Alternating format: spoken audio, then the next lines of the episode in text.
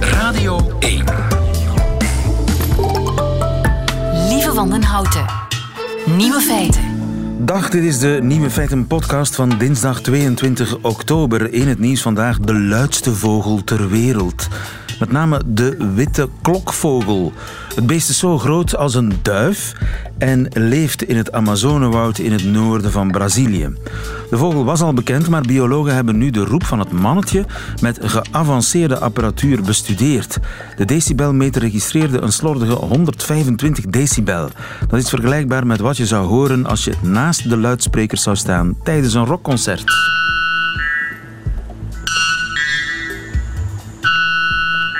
De witte klokvogel dus. Daarmee is hij dubbel zo luidruchtig als zijn naaste concurrent, de schreeuwpiha.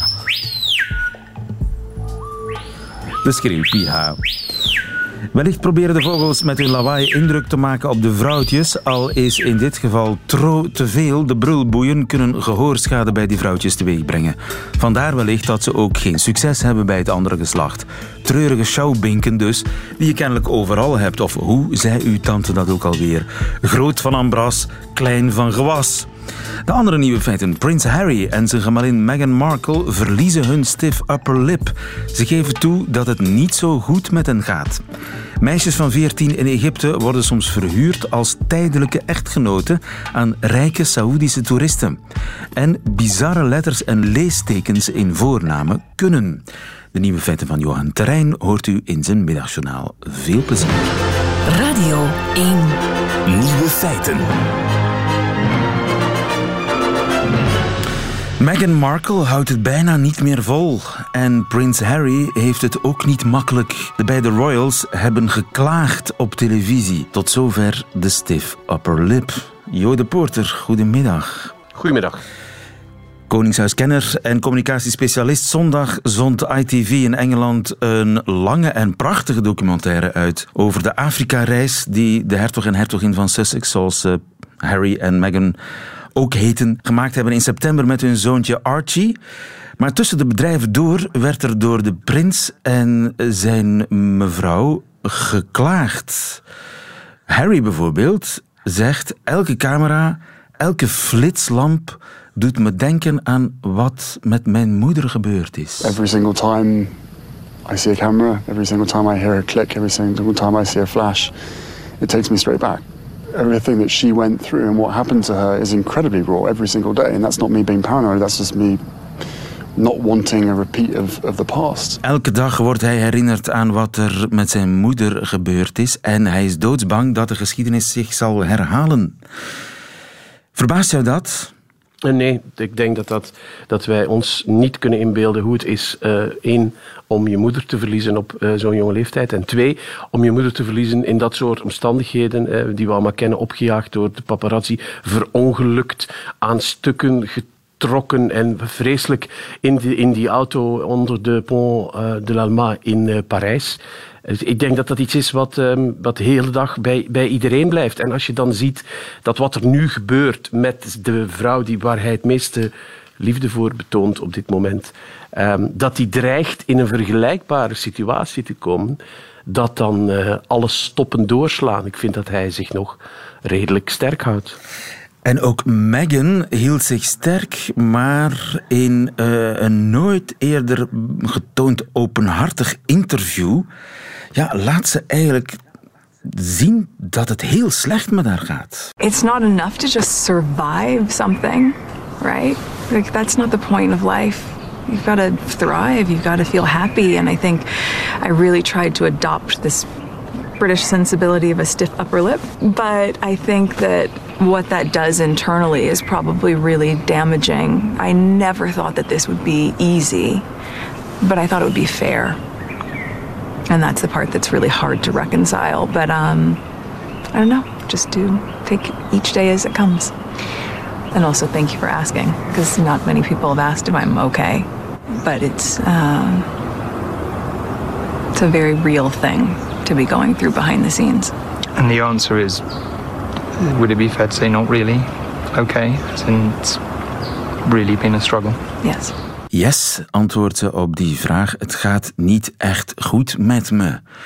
Dat heb ik nog nooit meegemaakt dat een royal zijn stiff upper lip zo overduidelijk verliest en zegt: Ja, het gaat niet goed met me. Ja, daar, daar heb je het. Hè. Ehm, je zegt royal en je zegt stiff upper lip, maar ze is natuurlijk geen royal. Ze is ingetrouwd en ze is helemaal niet Brits. En dat zijn twee dingen die haar heel erg parten spelen op verschillende manieren. Uh, ze dacht, omdat ze wel eens in de krant was verschenen en wel eens op de televisie was geweest, dat ze dat wel kende. Maar het brandpunt van wat die tabloids in het Verenigd Koninkrijk veroorzaken, omdat je dan niet alleen een grote cultuur hebt van jacht op uh, mensen van de koninklijke familie, zitten die mensen ook allemaal bij elkaar op een paar vierkante kilometer in Londen. Tel daarbij op dat ze inderdaad nog maar anderhalf jaar getrouwd is, in een vreemd land woont, een kind heeft gekregen, de hormonen razen nog alle kanten op. Dus dat is een, een cocktail van emoties en niet passen in de cultuur en zij hebben allebei het gevoel dat, ze, dat, het, dat het zij twee is die vechten uh, tegen de wereld, want ze zijn ook bijna helemaal afgesneden van de rest van de koninklijke familie. Hoe komt dat? Dat komt omdat, uh, net voor ze trouwden, dat, dat hij hals over kop op haar verliefd is geworden. Uh, daar schijnt ook een heel groot fysiek aspect uh, bij te zijn. Wat bedoel je daarmee? een fysiek aspect? Wel dat ze het goed met elkaar in de slaapkamer kunnen vinden. Dat wil wel eens helpen om mensen uh, dichter bij elkaar te krijgen en, en te houden. En hij is na, na al die tijd nog altijd volledig weg van haar. Um, en net toen ze elkaar leren kennen, hebben zowel eh, Charles, zijn vader, zijn broer William, als zelfs, wordt gezegd, Haar Majesteit eh, de Queen, gezegd van jongen, zou je dat wel doen? Uh, zou je zo snel gaan? Moet je niet eens, eens een lange reis met haar maken? Ga misschien eens samenwonen. En hij wou daar niets van horen. En die, dat, dat, die verloving en dat huwelijk, dus binnen een bestek van een jaar tijd is alles um, gebeurd. En kwam ze in een witte jurk van de trappen van St. George's Chapel in Windsor. En dat is niet helemaal met de zin van de koninklijke familie gedaan, dat ze dachten van een buitenlandse vrouw die al een relationeel verleden heeft, die uh, actrice is, uh, is dat wel het, geschikte profiel voor uh, waar wij naar op zoek zijn. En vandaag bewijst dat waarschijnlijk de weerstand van zo iemand niet sterk genoeg is om die druk, die zeer hard is, persoonlijke aanvallen. En zij heeft natuurlijk een aantal flanken waar ze niet aan gedacht heeft, die onbeschermd blijven. Namelijk die hele rare familie van haar. Behalve haar moeder Doria heb je daar die, die gekke vader en die zus. En die zijn voor haar oncontroleerbaar. En bij de koninklijke familie, dat zei je daarnet ook al, heb je een, een soort omerta. We maken ruzie, we snijden elkaar de keel over. Maar als we buiten, naar buiten lopen, doen we een glimlach en we gedragen ons alsof er niets aan de hand is. Maar zij heeft haar leden van haar familie niet in de hand. En dat blijft wel altijd haar vader, haar zus. En op basis daarvan kunnen die mensen zelf in de krant komen, kunnen ze verhalen verkopen, kunnen ze aandacht trekken. Dus ze is heel erg kwetsbaar ook van die flank. Waarom doen de paparazzi dat eigenlijk? Misschien een stomme vraag, maar waarom zijn die zo agressief? Wie vraagt daarom? De lezer vraagt daarom. Uh, heel veel van dat soort dingen worden zowel op het internet als nog op de papierversie verkocht op uh, de titel, de kracht, de, de, kracht van het verhaal. En een dramatisch negatief verhaal verkoopt beter dan een positief verhaal. En plus het feit dat, en dat is het, het, het, het nare van die hele toestand, is dat Harry zich de laatste jaren ontzettend zijn best heeft gedaan via allerlei organisaties, goede doelen, om tot hartedief, tot lieveling van de koninklijke familie te gaan uh, behoren. Um, afwisselend stond hij ook met de majesteit op één of op twee als populairste lid van de koninklijke familie. Uh, what goes up must come down. En hij is zo populair, hij is zo zichtbaar dat dat hem, ja, dat is hem te duur te staan. Ja. Dat, dat, dat gaat maar zo lang goed als je het je gunnen en dan is het, uh, dat is niet voor eeuwig. Ja, maar dat is het verdienmodel van de paparazzi. Mensen op een voetstuk ja. plaatsen en vervolgens ja. dat voetstuk ja. wegslaan. Dat verkoopt, dat is een soort circus waar mensen -hmm. dol op zijn. Nu, uh, een van de regels is inderdaad dat de mensen op dat voetstuk, in casu in deze de Royals, hun mond houden. Niet oh. terugschieten. Ja. Dat doen ze nu wel. Dat, is, dat doen ze nu wel. Ehm, en ik denk dat een belangrijke reden is omdat ehm, ze voelen dat ze binnen de koninklijke familie daar een beetje alleen in staan. En dat, er, dat um, Meghan zelf door publicaties die gebeurd zijn. Eh, er zijn drie kranten uh, die, waar hij nu achteraan gaat, die hij een proces aandoet, Harry. Dat zij zo gekwetst is dat hij vindt dat er een onrecht gebeurd is, dat moet, uh, dat moet gestopt worden. En met die hele situatie van zijn moeder in het achterhoofd, um, vreest hij dat dit kan escaleren naar iets veel groters en veel ergers dan dat het is op dit moment. En uh, heeft besloten daar uh, nu een streep te trekken. Ja. En die streep is ik ga naar de rechtbank. Want ja, elk moment uh, de grootste details van je privéleven ferm aangedikt in de krant uh, kunnen vinden. Elke ochtend weer. Telefoons die worden afgeluisterd. Je vrienden en ex-vrienden die worden omgekocht ja. om te praten. Ja, uh, dat houdt geen mens vol. Hè? Hoe groot de glamour nee. en het paleis en de weelde ook is. Het kan je allemaal gestolen worden. Je, je denkt... Ja, en hij is ook aangevuurd door uh, de, de, de, geschiedenis. Hè? De, de, de, News of the World, de krant die een aantal jaar geleden die afluisterpraktijken heeft gedaan. Ja, doordat er op een bepaald moment iemand opgestaan is en gezegd heeft nu is het genoeg, dit moet ophouden, is een krant die uh, meer dan 100 jaar bestaan heeft, is in 2011 uh, gestopt. Dus hij, beseft wel dat als hij gelijk heeft dat er onjuistheden, uh, onwaarheden of leugens verkondigd worden in die publicaties en de rechter toont aan of zegt dat dat inderdaad zo is, dat de consequenties daarvan wel eens voor die uh, persorganen heel erg groot kunnen zijn. Want in de tijd van de News of the World zag je ook dat niet alleen de lezer zich van het blad afkeerde, maar dat ook alle adverteerders ja. op uh, in tijd. op het is wel een heel groot risico, hè? want het, het resultaat kan precies andersom zijn. Hè? Dat de, de paparazzi juist heel blij zijn dat hij terugschiet. Dat maakt het gevecht nog spannender. Ja, en je zit ook met een, met een component dat veel mensen het erg moeilijk vinden om compassie mede te te hebben met mensen die in paleizen wonen en chauffeurs hebben en koks hebben en stylisten die hun jasje van de dag uitzoeken. Dus ja. dat is, hoe sympathiek je ook bent, is dat ook nog een component die, uh, die meespeelt en die bij alles wat ze doen uh, op reis gaan, zich verplaatsen naar een restaurant, zijn die, is die luxe, die weelde en dat gemak zeer erg zichtbaar en afdrukbaar in een krant. Ja. En dat is natuurlijk iets wat niet in hun voordeel speelt. En hoe, hoe zijn de eerste reacties eigenlijk? Want dit is zondagavond uitgezonden. De, um, de koninklijke familie uh, die is heel uh, ontwricht. Die voelen zich heel ongemakkelijk hierbij. Dit is een stijl en een manier van uh, communiceren die ze niet gewend zijn. Hij is heel ver gegaan ook in het toegeven dat er wrijving is met zijn broer William. In andere tijden zouden ze daar, um, zou hij daar losjes over gegaan zijn en zeggen van niets aan de hand. Hij heeft nu echt letterlijk toegegeven dat het niet meer is zo, zoals het was en dat er ja, conflict, dat, dat er iets aan de hand is. En dat is natuurlijk iets wat in de, in de koninklijke familie heel moeilijk valt. En het publiek en de paparazzi, hoe reageren zij? Well, er is uh, een Twitter-account geopend Love You Meghan. Er zijn verschillende, er zijn verschillende kampen uh, die ontstaan, maar dan merk je ook dat er bijvoorbeeld in de Verenigde Staten, zij is, dat is ook nog een aspect wat speelt, zij is een Amerikaanse. Dus de Amerikanen zijn veel meer geïnteresseerd dan vroeger, maar zijn ook veel harder. En er is nu een, een 60 Minutes, een documentaire die er aankomt, een van de volgende dagen, waar zij echt uh, in persoonlijke interviews met een aantal uh, oude vriendinnen van haar, mensen die haar heel goed kennen, mensen uit haar omgeving, waar ze echt met de grond uh, gelijk gemaakt wordt. Dus um, het einde van deze zaak is nog niet in zicht. Was het verstandig om te klagen op televisie? Jij bent ook communicatiespecialist. Had je hen dat afgeraden? Mochten ze dat vooraf hebben gevraagd? Uh, nee, ik vind het niet zo onverstandig, omdat ik ook vind dat ze in de grond van waar dit over gaat, dat ze, daar, dat ze daar gelijk in hebben. Dat er grenzen overschreden zijn, dat er dingen gepubliceerd zijn die niet waar zijn en dat dat in het leven van twee mensen van in de dertig met een babytje van vijf maanden, dat dat gruwelijk hard aankomt uh, en dat daar iets... En dat is de enige manier waarop ze zich op korte termijn een beetje kunnen verweren. En ik vind het ook goed dat ze die emotie van boosheid en angst en ongeluk, dat ze die uiten. Want uiteindelijk zal, gaat het altijd over uh, wat de sympathie van het publiek is en hoe ze die voor zich kunnen winnen. En als ze die voor zich uh, winnen, dan kunnen ze heel veel uh, problemen oplossen. Dankjewel. Jode Porter, goedemiddag. Goedemiddag.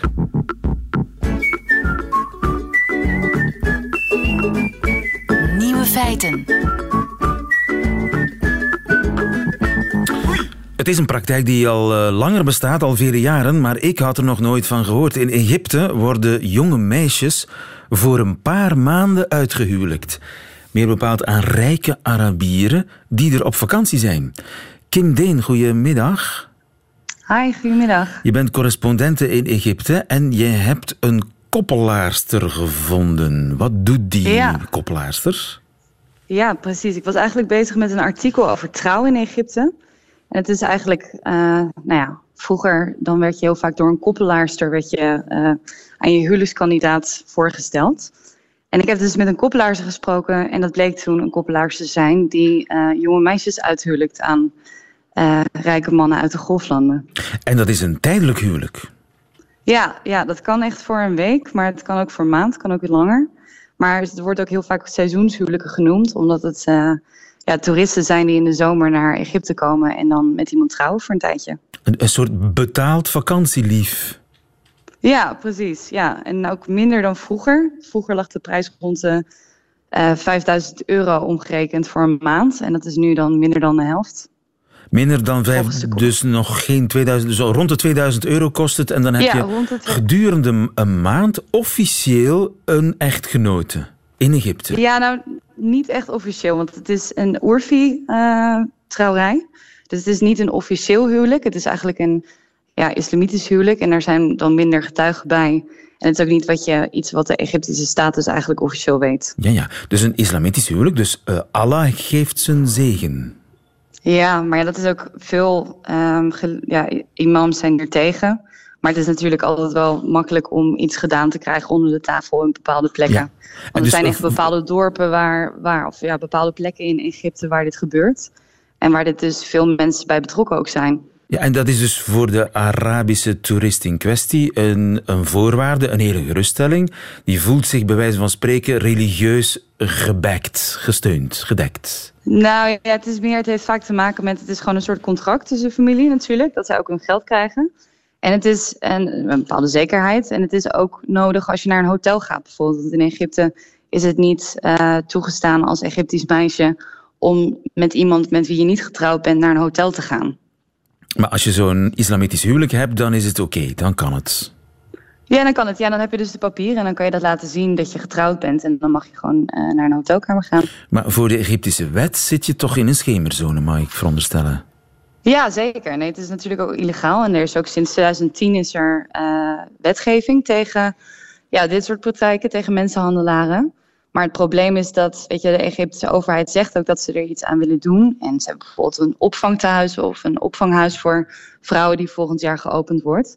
Maar in de praktijk wordt er eigenlijk heel weinig mee gedaan. Want ehm, er, er zijn bijvoorbeeld volgens de Amerikaanse ambassade in Egypte zijn er in 2018 elf mensenhandelaren opgepakt.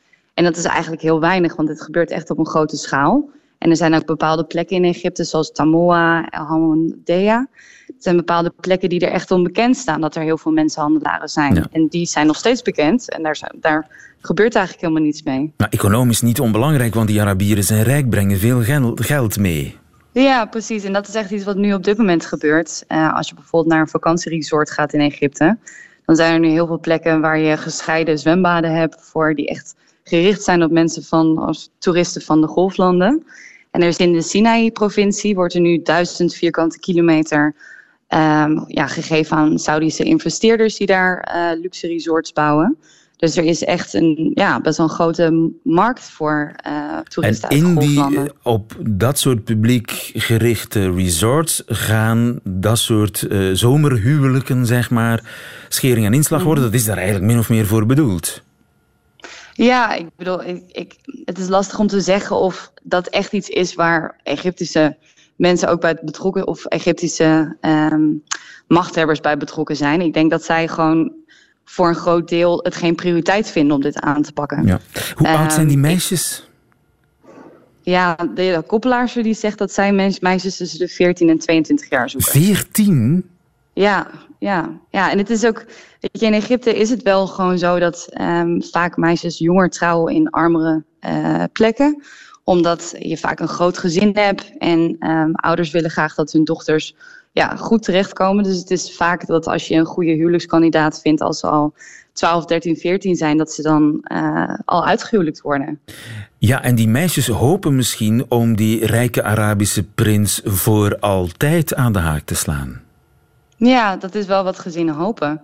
En vaak die koppelaars bijvoorbeeld, die benadert mensen echt om te zeggen van, nou, we hebben een rijke, uh, ik kan je aan een rijke huwelijkskandidaat koppelen. En dan blijkt dat dan later maar een kort huwelijk te zijn. Dus het is echt iets wat uh, nou ja, gezinnen wel vaak weten, ook voordat ze dus dat contract maken, dat het dus eigenlijk maar voor kort is. Ja. Maar het is wel iets wat, weet je, meisjes die opgroeien, die groeien op met het idee, ik wil graag trouwen. Als je aan een Egyptisch meisje uit een, uit een armere buurt vraagt, wat wil je, dan wil, willen ze altijd trouwen. En dat is iets wat, wat gewoon traditioneel gewoon um, ja, uh, de hoop is ook van ouders. Ja, en zijn en dat alleenstaande jonge sheiks die uh, op vakantie komen en die wat entertainment willen? Niet altijd. Het kan ook zijn dat ze met hun gezin komen vaak. Want het zijn vaak oudere mannen. Oudere mannen die, die al getrouwd zijn, die, die met gezinnen al uh, ja. op vakantie komen. En dan ja, een soort die... bijvrouw huren. Ja, het zijn natuurlijk ook mensen die vaak heel jong al, al trouwen. En uh, waar op deze manier er ook een mogelijkheid is voor hun om dus ja, um, met iemand anders ook te gaan. En uh, dat wordt dus mogelijk gemaakt door die mensenhandelaren. En dus mevrouw, de officiële mevrouw die gaat daarmee akkoord? Die is daarbij? Ja, nou ja, ik vind het lastig om daar iets over te zeggen, want ik ben natuurlijk ook niet iemand die een expert is op, in Saudi-Arabië. En ik heb ook niet met, met uh, Saudische toeristen gesproken. Maar ik denk wel dat er, ja, het is, uh, het is natuurlijk ook mogelijk om meerdere vrouwen te hebben in Saudi-Arabië. Dus ik neem aan dat, uh, dat vrouwen en kinderen, ja, dat die daar dan uh, in meegaan. Dat die ook meegaan en op vakantie ja. gaan. En dat die man iets anders dan uh, daarbij heeft. Meerdere vrouwen hebben mag in Saudi-Arabië. Maar zo'n tijdelijke vrouw huren, dat mag daar niet. Vandaar dat ze naar Egypte komen, zoiets. Ja, nou ja, in Egypte is, natuurlijk ook, is dit eigenlijk ook illegaal. Dus het is iets wat, ja, door bijvoorbeeld die, die hand, mensenhandelaar, die vrouw, die zei ook van... Ja, ik weet dat dit uh, zondig is, ik weet dat dit illegaal is, maar voor mij is dit ook een manier om geld te verdienen. Ja. In een land waar nu een derde van de, in Egypte in juli, zei de overheid dat nu een derde van de bevolking onder de armoedegrens leeft. Ja. Dus er zijn heel veel mensen die gewoon uit geldoverwegingen dit soort dingen doen. Hun dochter van 14 ja, tijdelijk ja. uithuwelijken aan een uh, rijke Arabische toerist. Pijnlijk verhaal. Dankjewel. Ja. In uh, Egypte ja. voor ons, Kim Deen. Goedemiddag. Nieuwe feiten. Ik weet niet of u uh, gisteren het nieuws van de dag vernomen heeft. Een Frans koppel heeft twee jaar juridische strijd moeten leveren om hun zoontje Fanch te mogen noemen. Fanch schrijf je F-A-N met een vleugeltje erop, zo'n Spaanse tilde heet dat officieel, zoals in España. Uh, Fanch, F-A-N. CH. Dat is een oude Bretoense naam. En eerst vonden de, de ambtenaren dat zo'n N niet paste in de Franse taal. Ik vroeg me daarbij af, wat kan er eigenlijk bij ons? Zou Fanch in België ook een probleem opleveren? Steve Heijlen, goedemiddag. Goedemiddag. U bent voorzitter van de Vlaamse Vereniging van Ambtenaren en Beambten Burgerlijke Stand. Jawel, dat klopt. Mag ik mijn zoontje Fanch noemen op zijn Bretoens? Ik denk het wel. Wat zijn de regels? Uh, de regels, uh, we hebben eigenlijk geen regels waar het op leestekens, op letters of tildes, bolletjes, accentjes allerhande uh, aankomt. We hebben wel algemene regels. En die algemene regels zeggen dat we geen voornaam mogen noteren in een geboorteakte wanneer die voornaam zou aanleiding geven tot verwarring of de belangen van het kind of van derden zou kunnen schaden. Maar over de leestekens zelf en hun diacritische tekens die die vergezellen, hebben we geen uh, regels. Ja, dus uh, een dries met een cijfer 3, 3S, dat zou kunnen bijvoorbeeld? Nee, dat Oei. zou niet kunnen.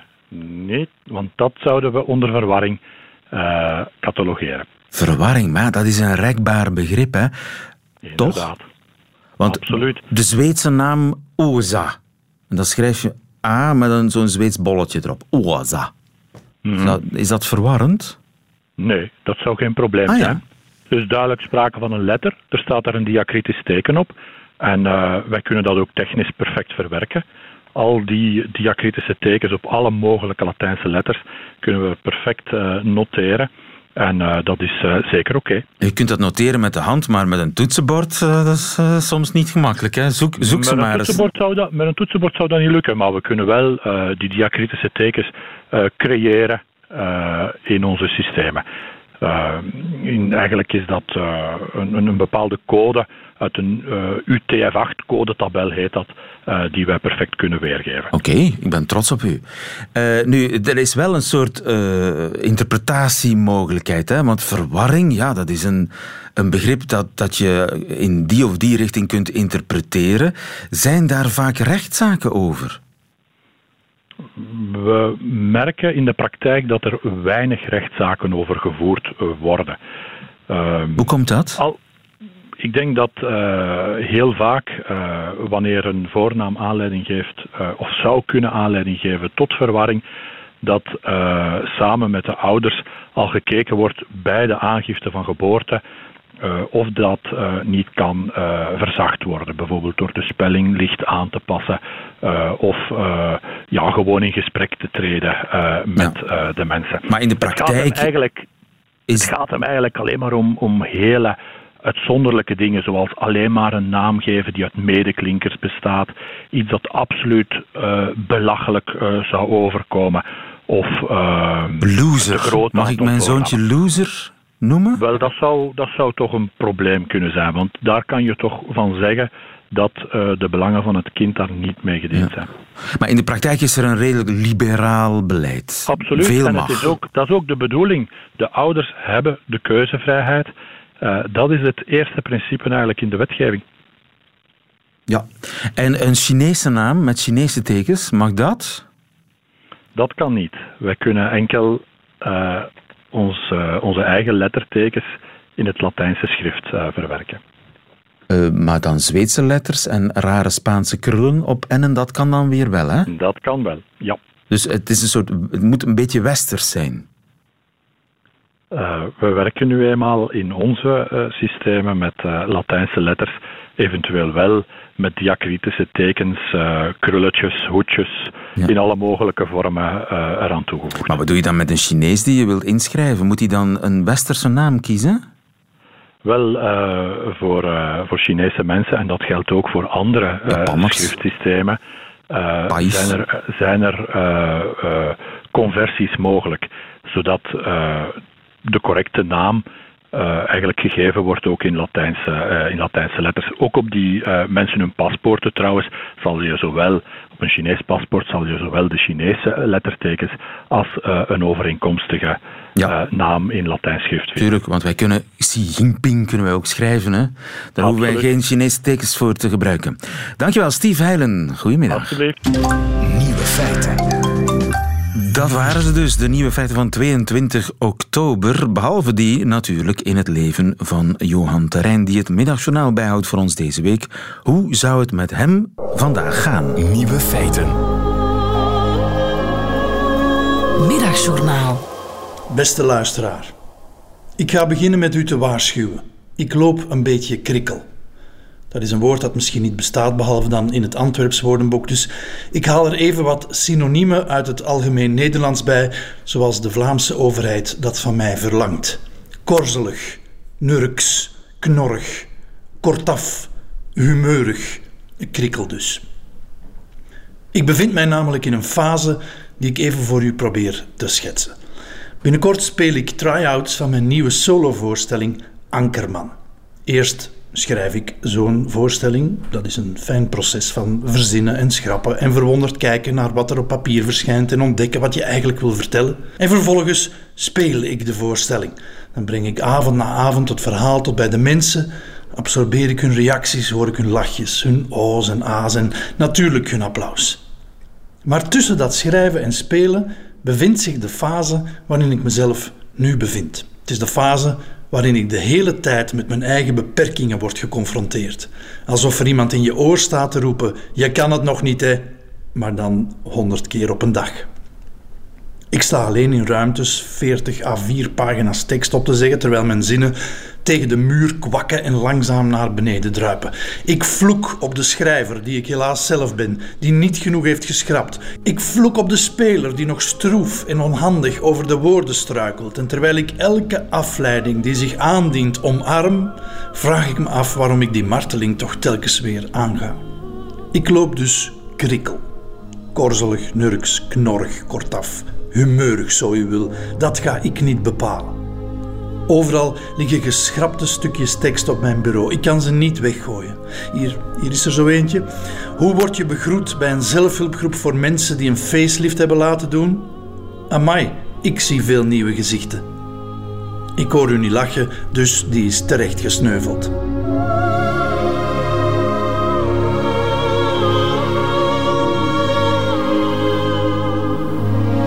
Middagjournaal met Johan Terrein. Einde van deze podcast die geïnspireerd is op de Nieuwe Feiten radio-uitzending van 22 oktober 2019. Hoort u liever die volledige uitzending, kunt u natuurlijk terecht op onze app. En voor meer fijne podcasts kunt u natuurlijk ook terecht op de website van Radio 1. Tot een volgende keer.